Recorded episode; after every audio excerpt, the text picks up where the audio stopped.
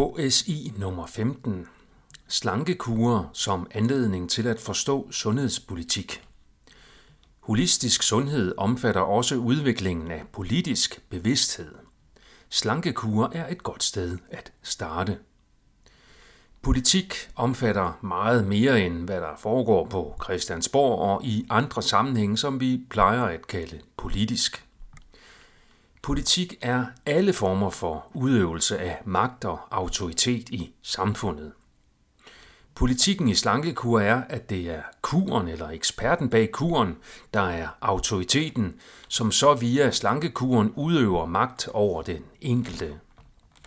Den enkeltes rolle bliver samtidig reduceret til at være en, der adlyder ordre fra autoriteten – Idealet er, at den enkelte til punkt og prikke overholder alle kurens forskrifter. Slankekurer, også selvom de kalder sig noget andet end slankekurer, har været populære i årtier og er det fortsat uden tegn på nævneværdig forandring. Det skyldes formentlig mindst to forhold. For det første har både eksperterne og de medier og forlag, der formidler eksperternes slankekurer, en interesse i, at magten bliver hos eksperterne og kurerne. For det andet har mennesker med overvægt en interesse i at slippe for det psykisk ubehagelige ved selv at skulle tage stilling, at konfrontere sig med vanerne, som de faktisk er, og selv tage ansvar for slankeprocessen. I en slankekultur domineret af ideologien i slankekurer, så kan både leverandørerne og kunderne leve i et konstant håb om, at den næste kur er løsningen på problemet med at opnå et stort og varigt vægttab. Det sikrer en høj og stabil omsætning i branchen, mens problemerne ikke bliver løst. Politikken i slanke kurs med små skridt og mindful spisning er, at det er den enkelte, der har magten.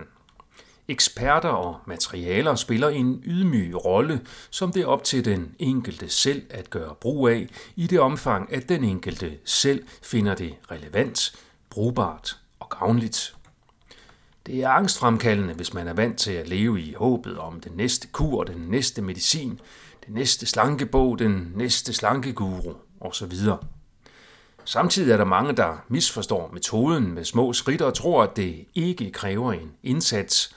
Og når man så ikke yder en indsats, så kommer der ingen resultater, hvorefter man giver små skridt-metoden skylden, mens man jo sådan set blot kunne have taget nogle flere små skridt, hvis man ville have større resultater.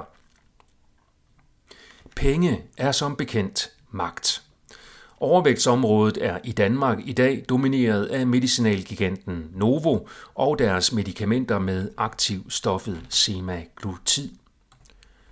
Novo har en gigantisk magt, blandt andet ved at finansiere forskning og andre meningsdannende aktiviteter blandt fagfolk.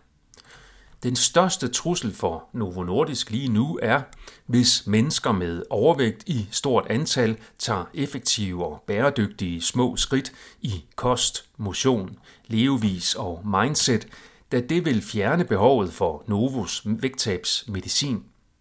Når Novo påstår, at de også finansierer initiativer, der skal forbedre den nonfarmakologiske behandling af overvægt, så er det muligt, at de gør det for at sikre, at der ikke bliver opdaget noget effektivt.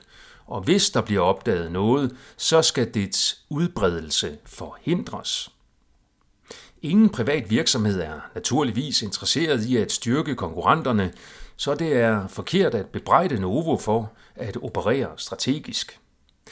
Vi skal blot huske at slå fornuften til og ikke tro, at Novo er en velgørende organisation, der kun er interesseret i at hjælpe mennesker med overvægt og diabetes til at have det så godt som muligt. Det er de kun interesseret i i det omfang, det hjælper dem til at styrke deres medicinsalg.